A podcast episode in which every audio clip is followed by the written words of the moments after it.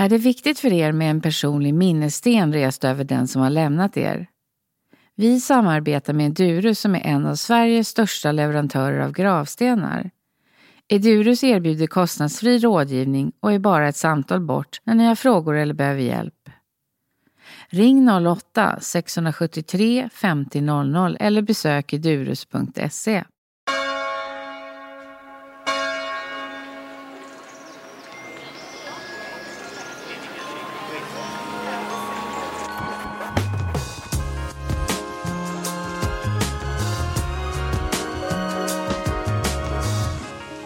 är ett specialavsnitt inspelat live på Sveriges begravningsbyråers förbundskongress i Växjö med Ulf Lerneus, förbundsordförande i SBF. Välkommen till Min död, min begravning livepoddsinspelning. Och med mig idag har jag Susanne Westergren som är journalist och författare som har jobbat med döden som tema i 15 år. Och eh, jag heter Barbro Olsson Smith och jag har en bakgrund som designer men jag har också på senare år blivit intresserad av det här med varför vi kanske undviker att prata om döden, begravningen. Men när vi gör det så kanske vi börjar prata om livet. Och det är det den här poddserien handlar om. Välkommen Ulf Lenerius. Tackar. Vi är lite nyfikna hur det kommer sig att du befinner dig i den här branschen. Vad var det som gjorde att du började? Det som triggade mycket det är att min pappa var präst så jag är granne och uppväxt precis intill en kyrka så varje fredag åtminstone så såg man en begravning från köksfönstret.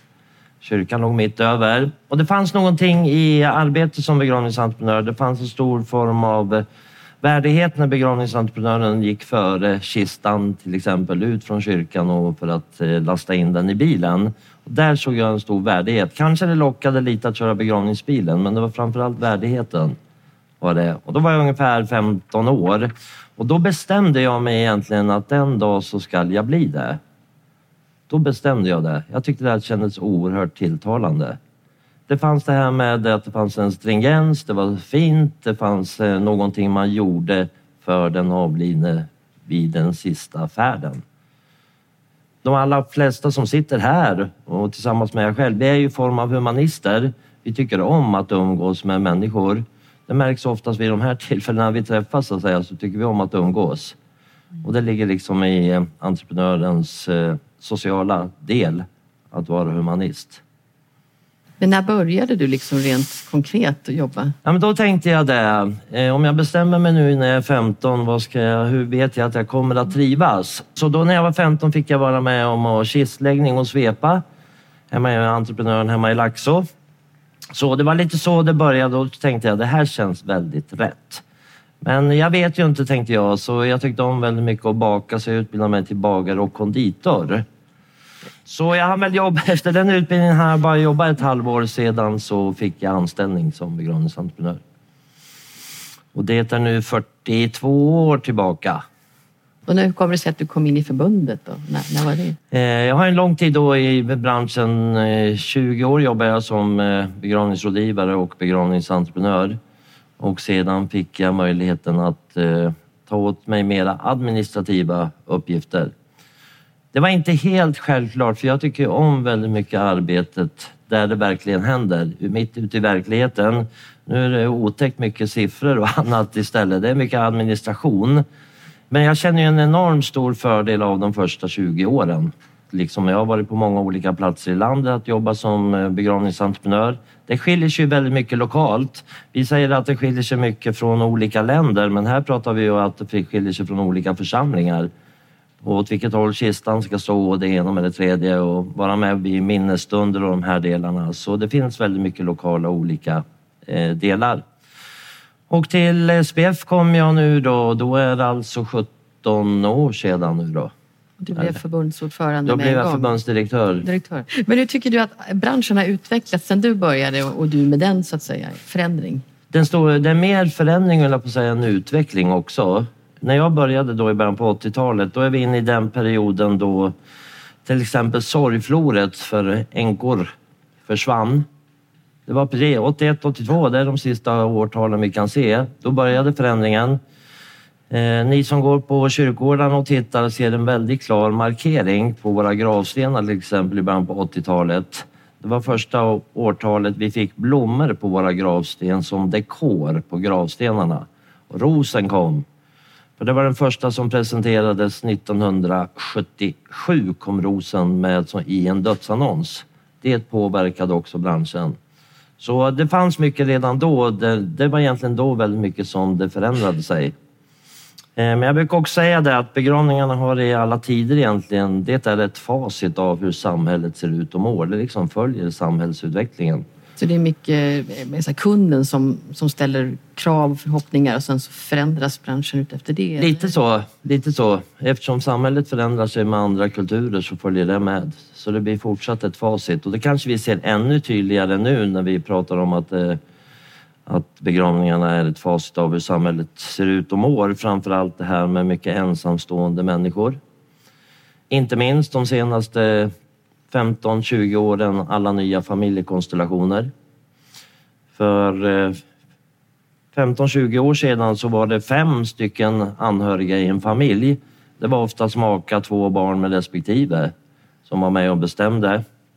Idag är den eh, personkretsen 14-15 stycken. Vi har hunnit bytt ett antal gånger. Så eh, ja, det speglar väldigt mycket av hur samhället har förändrat sig. Och inte minst på grund av den här förändringen när det gäller familjekonstellationer så har ju den avlidne på något vis kommit vid sidan av. Det är ju faktiskt så att när vi har en begravning så är det någon som har dött. Det är allting där. I alla tider har det liksom kretsat kring den som är död. Idag är det mycket, mycket mer överflyttat på oss efterlevande. Där är fokuset. Man liksom tappar bort den döden någonstans. Och det är ju en stor förändring, men det har också med samhällets utveckling att göra. Så arbetsuppgifterna måste se annorlunda ut för en begravningsentreprenör idag? Lite mer KBT än mycket så. Mycket så. Oftast är det eh, våra samtal så att säga med anhöriga efter att ett dödsfall har skett för att ordna begravningen ser vi ju tar längre och längre tid. Och det är många gånger för att man inte är överens. Man har olika relationer till den döde. Så det är väldigt mycket att ta hänsyn till. Ta bara dödsannonsen, vilka som ska få stå med i den. Och hur många det är till varje person. Ja, ja. Som ett exempel. Och att få ihop en tid som passar alla för begravningen. Den döde brukar jag säga, den har tid. Det är vi som istället funderar på när vi har tid. Och det behövs inte så mycket förändringar så att säga, att man skyller på att man har någonting annat istället för begravningen. Men det där är så, jag har ju hört att det är så många som säger att det är så svårt att få ihop ett datum.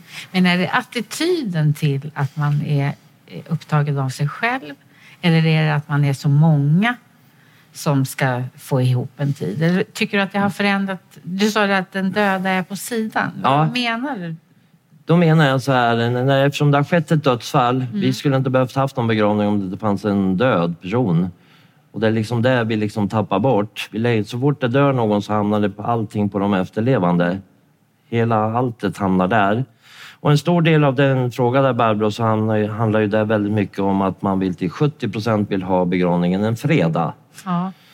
Och vi har lärt oss att det inte finns så många fredagar på en månad. Det är den tiden vi har på oss. Men jag fick lära mig det när jag var på radion och pratade om det här så sa jag det finns ju bara fyra fredagar på en månad. Då vart eh, radiokanalen nerringd och jag skulle minsann lära mig att det fanns fem månader per år där det innehöll fem fredagar. Det vart den stora frågan i den intervjun. Så ni vet, det finns fem fredagar också på en månad, så möjligheterna finns. Men om man inte får den första fredagen så, att säga, så flyttas det här hela tiden fram. Och den, eh, när vi pratar fredagar så ska vi inte bara lägga skulden på anhöriga att de vill ha en fredag, för de, många av våra församlingar ute i landet, de erbjuder många gånger också bara fredagar. Torsdagar och fredagar, det är liksom de dagarna. Och när det är så så stora familjekonstellationer så tycker naturligtvis många att det är viktigt att kunna samlas efter begravningen, kanske ha lördagen tillsammans. Om man ändå reser och Exakt. kommer från hela landet eller Rätt. utomlands. Ja. Mm. Så du, du, tror inte det har med att man har förändrat sin syn på begravningen? Eh, till viss del, men det har blivit liksom en del av det på grund av de familjekonstellationerna som är. att vi har fått så olika relationer. Förut så var det pappa, det var eh, maken, det var morfar och det är farfar. Nu ska många av bonusdelarna också in som kanske tycker att de har närmare relation till den avlidne än vad de biologiska har. Så det är sånt som, jag ska inte säga att det stökar till det, för det är så det ser ut. Mm. Men det påverkar också. Men det som drev dig när du startade in, nu ville in i den här branschen, är det samma sak idag? Eh, Ja, det skulle jag vilja säga. Mm. Själva arbetet, att kunna vara människor behjälpliga. Och vi pratar också jättemycket om det goda omhändertagandet av just den avlidne. Och är det i någon tidsepok det är viktigt att prata om just omhändertagande av den avlidne så är det ju det nu. Att vi liksom inte, att inte vi också tappar bort det. Att det finns liksom fortsatt en värdighet för den avlidne. Om inte anhöriga gör det så är det upp till dem så att säga. Men vi inom branschen är väldigt viktigt att vi fortsatt har ett fint arbete runt omkring den biten. Jag kan tänka att det är också en viktig uppgift att försöka få folk att förstå det. Absolut. Alltså om man är väldigt uppriven över olika Ja, ja. saker, att, att ni som begravningsbransch ändå kan ge ett lugn Ja, och en struktur som man kan få förhålla sig till. absolut. För själva kistläggningen när vi klär på den avlidne, det är ju liksom ett, ett hantverk som är för oss begravningsentreprenörer. Börjar vi liksom slarva där så är det, det enda, nästan det enda hantverket så att säga vi har kvar. Den är väldigt viktig att behålla. Men tycker du att ni behöver berätta mer vad ni gör för alla? Eller är det, vill man Ja, ha det lite hemligt? För det här blir ju liksom för de anhöriga så vi beställer en begravning 1,7 gånger i vårt liv. Så det blir ju liksom aldrig någon rutin på det sättet utan man är ju i behov av hjälp. Är du inte drabbad av dödsfall så är det väldigt få personer som tar till sig liksom vad vi berättar. Du måste liksom vara berörd, det är först då det blir intressant. Vi hörde på något seminarium här tidigare att man liksom, då vill man inte prata om det så att säga för man är inte drabbad. Men så fort det sker någon i ens närhet så blir de här frågorna väldigt aktuella. Så vi har ett stort, stort ansvar att berätta hur vårt arbete ser ut. Mm. Men det är som du säger, att det är inte förrän du är riktigt Du- intresserad som det blir aktuellt. Nej, Nej. rätt. Men den gruppen har ju blivit allt flera. Det dör alltså 240 människor per dygn i Sverige, 10 i timmen. Och för tio år sedan då sa vi att det är ungefär 1000 anhöriga som blir drabbade, ungefär fyra per avliden. Nu är den nästan uppe i 3 500-4 000 per, per dag, per dygn. Så det är ändå en hel del som berörs om vi bara tar under ett dygn och inte minst under en vecka. Men tycker du att det är den utvecklingen som har skett i branschen, vad tycker du har varit de viktigaste sakerna då? Den viktigaste saken, eh, begravnings, själva begravningsceremonierna ser ju fortfarande väldigt likt ut som det gjorde tidigare. De har blivit mer individuella. Och det har ju varit under en lång tid så att säga. Vi har kunnat läsa att begravningen sker i kretsen av de närmaste. Det har ju ökat. Om vi går tillbaka, nu ska vi inte gå tillbaka för långt, men om vi går tillbaka hundra år, då var ju det en styggelse höll jag på att säga om du skulle behöva ha begravningen privat. Det tillhörde de mer bemedlade höll jag på att säga, rövare och banditer, de som hade mördat människor. Det gällde små barn som inte ens fick begravas på kyrkogården. Så det viktigaste förr det var ju att begravningen var offentlig för då visade man att allting var okej. Och nu är vi tillbaka igen till det privata och individuella. Så det är väldigt tydligt. Och det beror ju på mycket. De här familjekonstellationerna jag pratar om, de börjar ju bli så stora så bara det är släkten liksom. Vilka fler finns det att bjuda in? För det är så många, bara de närmast anhöriga.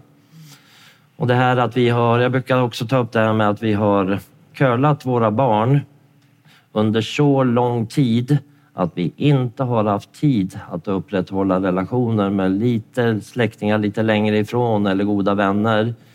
Vi har kört våra barn sju dagar i veckan, när skulle vi ha gjort det? Och det liksom kommer tillbaka lite, att det drabbar också liksom att det är också ett facit av begravningarna.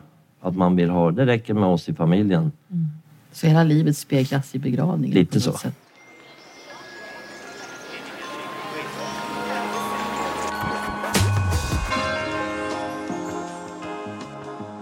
Vilka utmaningar tror du branschen har framöver? Oj, det är rätt så många. Och det är framförallt, ni var inne lite på det här hur mycket kunden bestämmer och det kan vi känna nu liksom att det kommer mer och mer. Att kunderna blir ändå, även fast de inte läser så mycket om det så är de mera, vill påverka mera. Och där är det ju viktigt att vi är förändringsbenägna. Tidigare har ju vi, både begravningsbyråerna och även Svenska kyrkan kunnat styra lite när det gäller begravningar. Vi kan ha sagt att det vanligaste är att man... Men nu har kunderna oftast lite mera eh, påverkan. Tycker du det är bra? Absolut. För att... Det är ändå deras begravning, det är ändå Ja. de som betalar brukar jag säga. Så det är bra. Då lyfter vi upp också ämnet så att säga om de funderar själva. Att inte vi behöver berätta allting utan de kan vara lite pålästa själva. Men hur, hur kan branschen hänga med? Alltså, vad finns det för kurser man kan gå? Nu, nu kanske många av er kan det, men de som lyssnar på podden kanske är intresserade av liksom, hur utvecklar ni er och liksom debriefar er för att orka med? Eh, vi har ju då en e- egen utbildningsdel. Så vi har ungefär 25-talet utbildningar eh, varje år. Så det är nästan en utbildning varannan vecka. Och det är allt från själva omhändertagandet av den döde till allt inom juridiken till exempel. Juridiken är ju enormt stor. Så där försöker vi prata om det mycket. Vi har en utbildning nästa vecka som heter försäljning och bemötande. Hur bemöter vi människor vid, eh, när vi träffar dem första gången? Det är väldigt mycket beslut människor ska ta. Vi brukar säga att det är i genomsnitt 52 frågor man ska besvara vid första besöket. Eh, Några av frågorna är naturligtvis rätt så självklara svar på men ändå, det är mycket att ta ställning till. Och vi behöver bli, vi hela tiden utveckla den digitala delen. Vi vet ju att många är inne och söker på innan man går till begravningsbyrån. Så, och många vill också beställa begravningen den vägen. Mm. Ja, det har ökat den digitala Ja, har det beställningen gjort. mm, överlag. Så det är en utmaning, överhuvudtaget kompetensen. Och få in en yngre generation också. Jag menar, Absolut. Någonstans är ju det här ett, de sista skråna som finns men jag tänker att det är också viktigt att få in den här digitala kompetensen Ja. som många av den yngre generationen ändå står för. Som kan tillföra Som kan den. tillföra, Absolut, jätteviktigt. Hur är det med utlands, liksom, samarbetar ni med liksom, saker utomlands? Tar ni influenser eftersom det är många människor från andra kulturer som begravs? Absolut. Dels så har vi då ungefär 1800 svenskar som avlider utomlands. Det är också en stor del. Och så har vi ungefär 600 avlidna i Sverige som transporteras ut från Sverige varje år. Så det här är ett jättestort arbete och idag har vi många olika både religioner och livsåskådningar att ta tillvara på. Så där har vi också utbildningar kring, kring det mångkulturella. Det måste vara jätteviktigt. Ja, definitivt.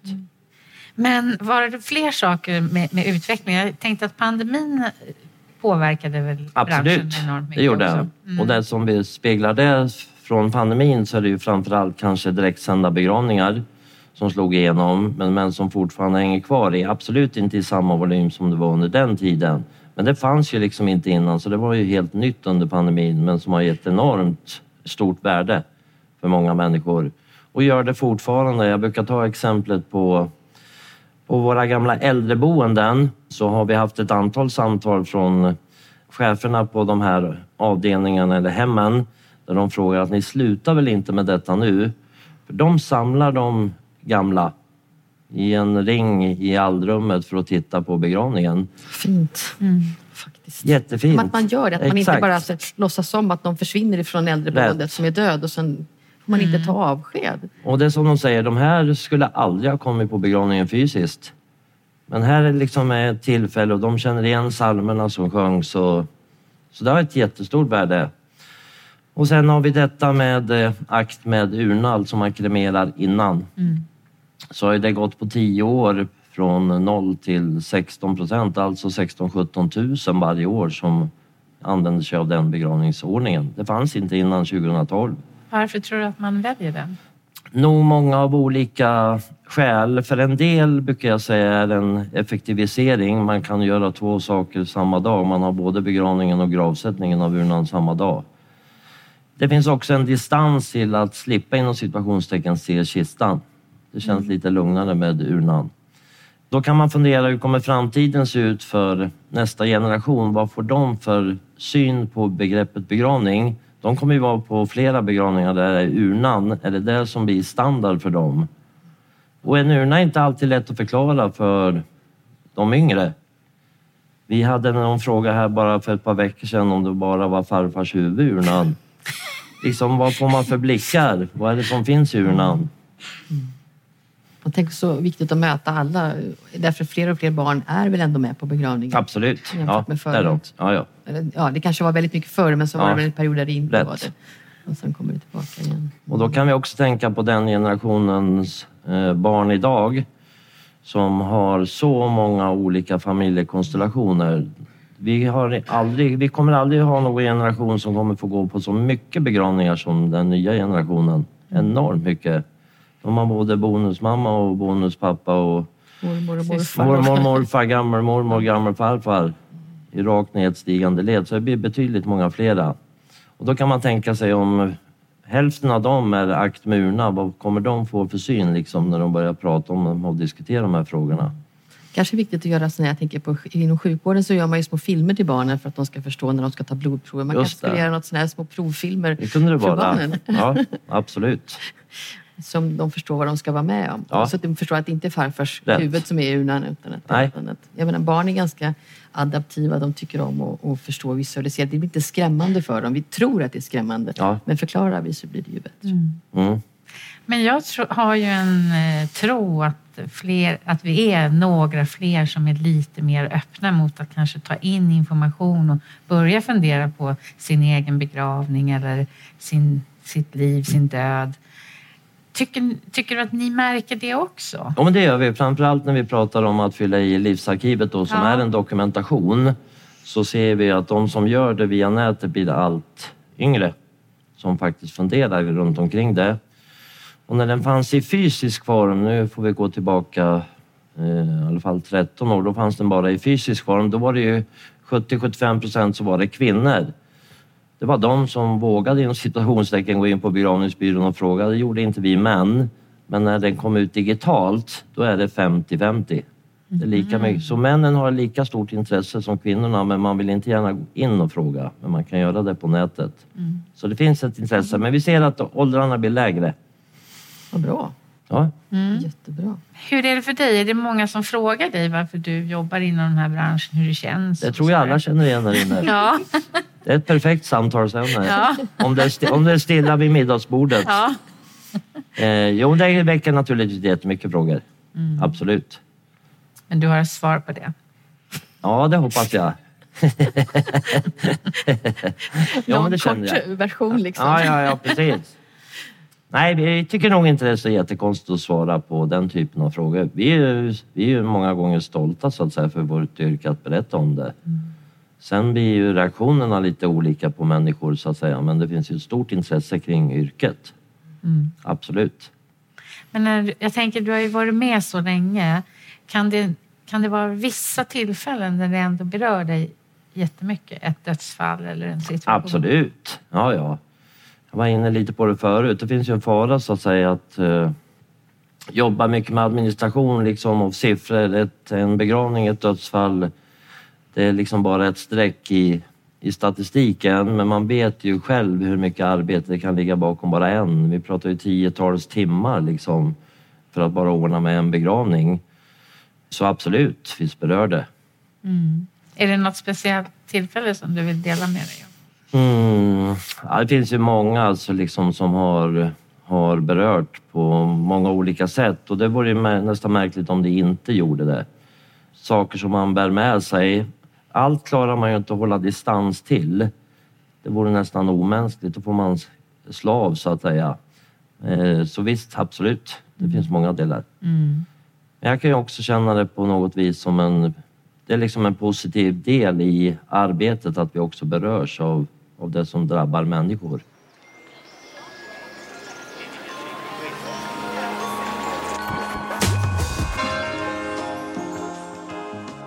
Har du funderat på din egen begravning, hur du ska ha det? Det funderas lite på det. Ja. Du har ju alla proffs här. Och jag tror vi människor har lite olika syn på hur mycket vi liksom ska planera. När vi tittar på människor som fyller i livsarkivet så brukar jag prata om det här att många som fyller i och dokumenterar, då pratar jag mycket om missriktad omtänksamhet. Vi kan ju se att en stor, stor procent av de som fyller i livsarkivet vill göra det så enkelt som möjligt för de efterlevande. Till exempel att välja minneslunden. Man tänker att mina anhöriga ska inte behöva ha besväret. Och det är kanske där de anhöriga verkligen önskar att ha en plats att gå till. Så jag brukar kalla det för missriktad omtänksamhet. Man försöker men det blir inte alltid rätt. Och människor, när man fyller i någonting i livsarkivet så blir, blir ju anhöriga på något vis också väldigt eh, styrda av det. Man tycker att det är bra oftast att det står nedskrivet.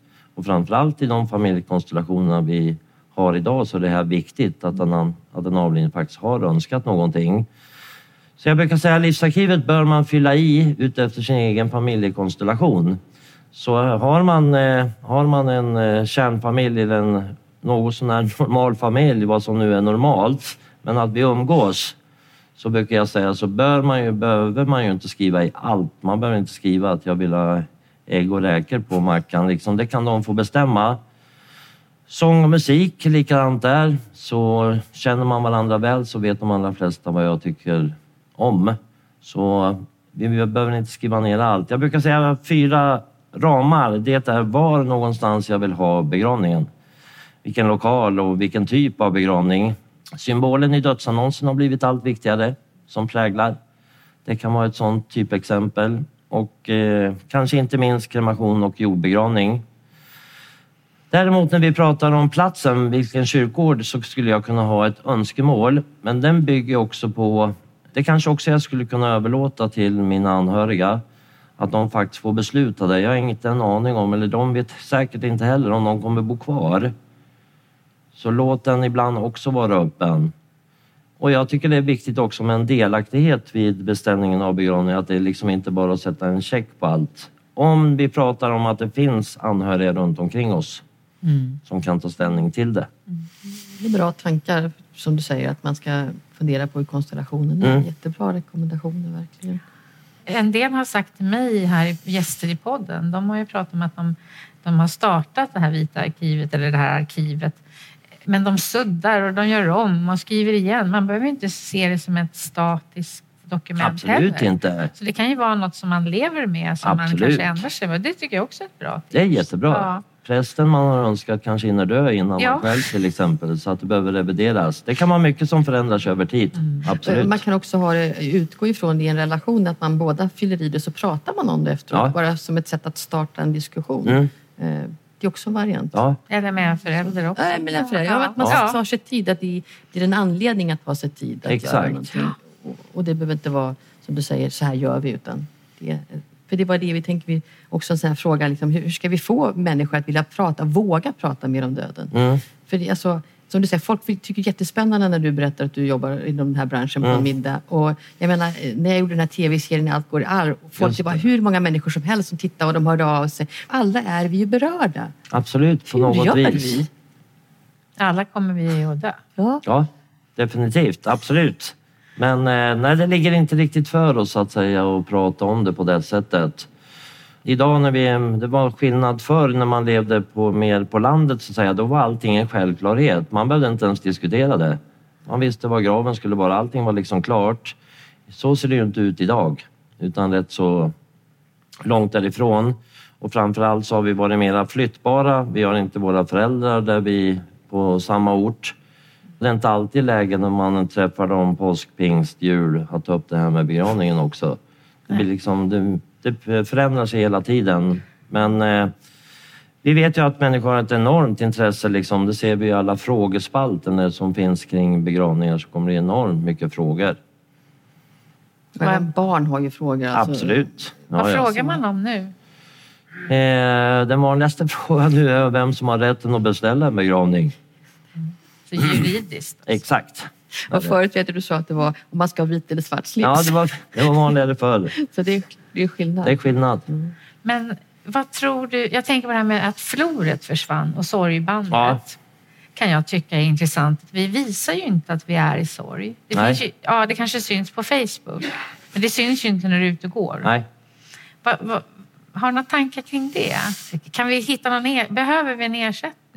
För eh, Ja, vi tog ju fram ett alternativt sorgband. Det måste ju vara 12-13 år sedan nu vi gjorde det. Som säljs rätt så mycket. Mm -hmm. Men man är ju väldigt försiktig runt omkring den delen så att säga. Dels så vill man inte visa det utåt själv alltid. Och eh, de som man möter vet heller inte alltid hur man ska bemöta när man ser att de har eh, sorgbandet. Annars ser vi det väldigt i offentliga sammanhang, bara på fotbollsmatcher så är det väldigt tydligt med Ja. Sorgbindel. Så de håller liksom uppe den traditionen. Det sker mest inom sporten. Ja. Gör det. Så den är ju positiv. Det finns ju en form av hedrande av den döde genom att visa det. Vad tror du är skillnaden är när man inte visar? Hur, hur ska vi då kunna bemöta en sorg om vi inte vet om den? Ja, jag är inte säker på att vi alltid vill att de ska veta. Nej. Man vill inte ta de frågorna så att säga alltid. Eh, Men för många människor är det enormt viktigt att få berätta det, att man har sorg. Men att markera det på ett sådant sätt är väldigt få beredda att göra. Och det var väl inte alltid behagligt heller. Det var väl inte bättre alltid att ha ett sorgflor så att säga under en längre tid. Det var ju också det var ju oerhört markerande. Så jag tror att det kommer ta en lång tid liksom att det kommer tillbaka som någon form av någon formell sak som att man har. Utan det kommer vara fortsatt väldigt individuellt. Hur ska vi få människor att, att prata om det här innan vi är i sorg? Då? Vad tror du? Idag vet vi ju vi att det är jättemånga som sitter här som är ute på både på eh, vårdskolor, på högstadiet, på gymnasiet och kanske ännu lägre åldrar också och pratar om det här.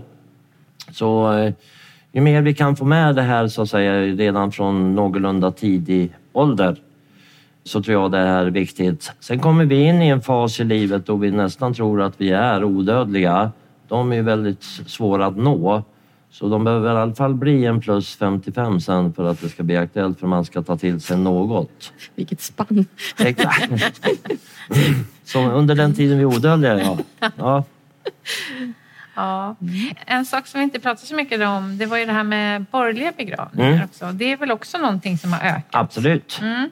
Och hur har det påverkat ert arbete? Eh, det har ju påverkat positivt i den riktningen så att säga att begravningsbyrån har också då kunnat erbjudit ytterligare tjänster genom borgerlig officiant, att vara borgerlig officiant. Eh, och det är typiskt en sån utbildning, två utbildningar per år har vi som just utbildar, där vi utbildar egna borgerliga officianter. För att kunna vara behjälpliga. Annars kan det vara kommunen som erbjuder borgerliga begravningsförrättare.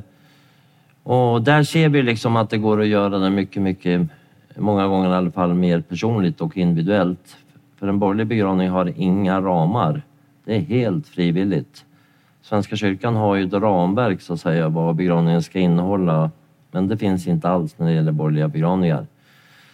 Men antalet borgerliga begravningar har gått eh, saktare än vad vi hade trott. Och det beror väldigt mycket på att de som har gått ur Svenska kyrkan är relativt unga människor. Så boomen kommer längre fram kan vi säga. Men den kommer att komma. Men tror du att det är ett fungerande koncept att ha begravning utan ramar? Menar, det kommer ju krävas någon slags ram i den borgerliga begravningen också. Men vi tycker nog att det är bra att det finns en frihet så att säga. Om vi bara pratar om platsen där det ska vara och överhuvudtaget att anhöriga får vara med eh, om att helt bestämma innehållet i begravningen. En del av våra borgerliga begravningar den kanske bara innehåller musik. Så det finns ju en enorm stor frihet runt omkring det och det tror jag är liksom framtiden att få vara med. Det är ju en del att vara delaktig när du kan bestämma allting själv. Sen kan vi berätta så att säga och rådgiva hur en borgerlig begravning ska se ut men de ska ju fortfarande veta att det finns full frihet. Så vad är ditt nästa steg nu? Vad ska du, vad ska du göra för begravningsbranschen härnäst? Eh, det ligger kvar väldigt mycket kring eh, det digitala. Att komplettera hela tiden det fysiska med det digitala. Vi pratar jättemycket om de juridiska frågorna, om de familjejuridiska frågorna i livstiden. Att skriva testamenten, äktenskapsförord, gåvobrev, samboavtal. Och idag finns det juridisk expertis praktiskt taget på alla våra begravningsbyråer. Och det är ju också för att bygga relationer med yngre människor. Att kunna vara behjälplig med livstidsjuridiken. Så det är också en oerhört viktig del. Och just det här att eh, vi kan vara med både före begravningen, under begravningen och efter. Före så har vi livsarkivet, vi har begravningsförsäkring. Det finns så mycket före någonting händer. Och även under dödsfallet, under begravningen och även efteråt. Det finns så många olika delar. Men det finns också en gräns när vi pratar vid själva dödsfallet. Hur mycket information kan människor ta till sig? Vi ser på våra samarbetspartner, det kommer nya saker hela tiden. det finns också en, en gräns hur mycket anhöriga kan ta till sig. Hur mycket kan vi erbjuda dem? Så uh, ibland är det en liten avvägning hur mycket vi ska erbjuda. Men uh, bredden kommer att vara viktig för det är så stor skillnad på oss människor. Vi är inte styrda in i en tradition. Vi har inte den religiösa traditionen på ett annat sätt och då breddar det också eh, frågorna, vilka möjligheter som finns. Mm. Så det har vi mycket att ta hänsyn till.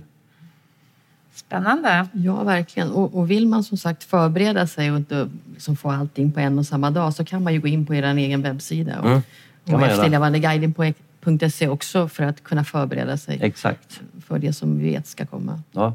Och vi brukar säga det, idag är inte begravningen fokus när man kommer in på begravningsbyrån. Nästan vartannat besök börjar med en försäkringsfråga, en ekonomisk fråga, en juridisk fråga. Det är liksom det man vill ha löst innan man går vidare med begravningen. Man vill ha reda på saker innan. Tack Ulf Tack. Eh, för att du kom till podden Min död, min begravning. tack alla ni som tack var här och lyssnade. Tack, tack.